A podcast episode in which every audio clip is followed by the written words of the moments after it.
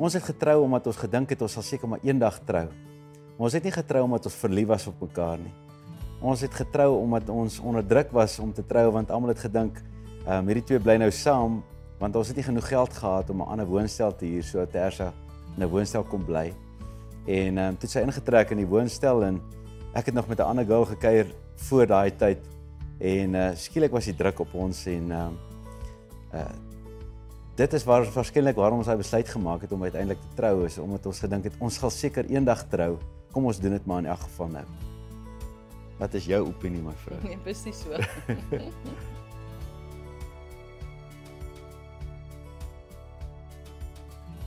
ek moet sê, ek dink ek het eers wat probeer verander in die begin. Ek ons is totaal verskillend. Ehm um, so my sterk persoonlikheid, dankie daarvoor. Ehm um, het ek probeer om haar te maak soos wat ek dinge doen. En ek was altyd ontevrede. Ek was altyd teleurgesteld oor uh dinge wat nie is soos ek dit sou gedoen het. Is dit het haar persoonlikheid verander na 'n uh, iemand toe wat ek nie van gehou het nie. Want hoe meer jy probeer word soos iemand anders wil hê jy moet wees, hoe minder hou daai persoon van jou. Ehm um, want ek het met haar getrou of ek het van haar begin hou omdat sy so anders was as ek.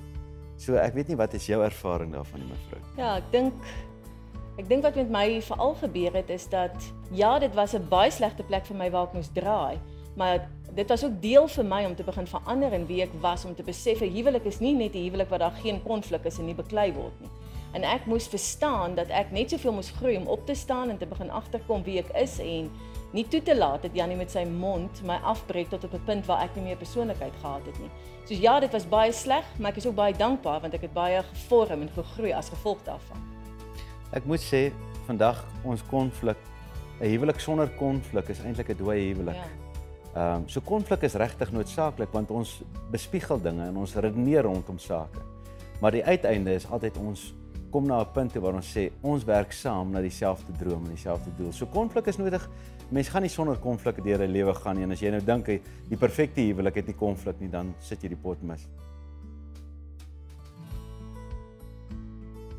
Keerpunt in ons huwelik was so na 3 jaar nadat ons getroud was en ons besluit het ons skei, want niks was lekker in ons huwelik nie. Ek het niks van myself meer gedink nie en Jannie was ook glad nie op 'n goeie plek nie. En op daai stadium het ons na 'n naweekfunksie toe gegaan waar daar spreker was. En een van die dinge wat gebeur het daai naweek is Janie het sy lewe regtig vir die Here gegee vir die eerste keer ernstig.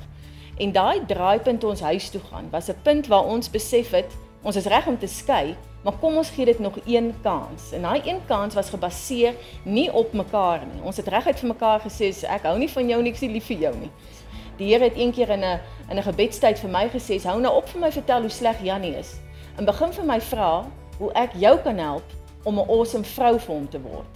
En dit het my heeltemal verander in my fokus in die huwelik om te begin my pad met die Here stap en dieselfde met Jannie. Hy het sy pad met die Here begin stap om die beste man vir my te word. En so het ons nie meer mekaar se foute begin raak sien nie, maar besef my verantwoordelikheid is om te groei in ons huwelik.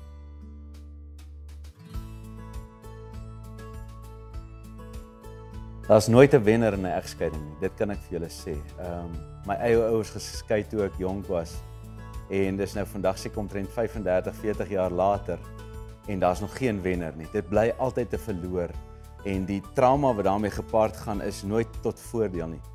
Maar wat ek wel vir julle kan sê is as elkeen wil, kan enige verhouding werk.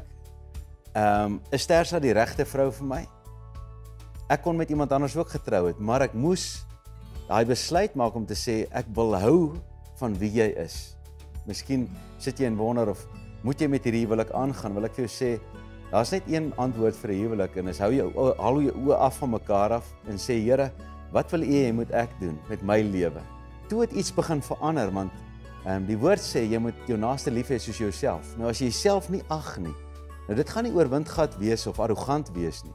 Dit gaan om myself belangrik te ag en goed genoeg om met hierdie maat getroud te wees.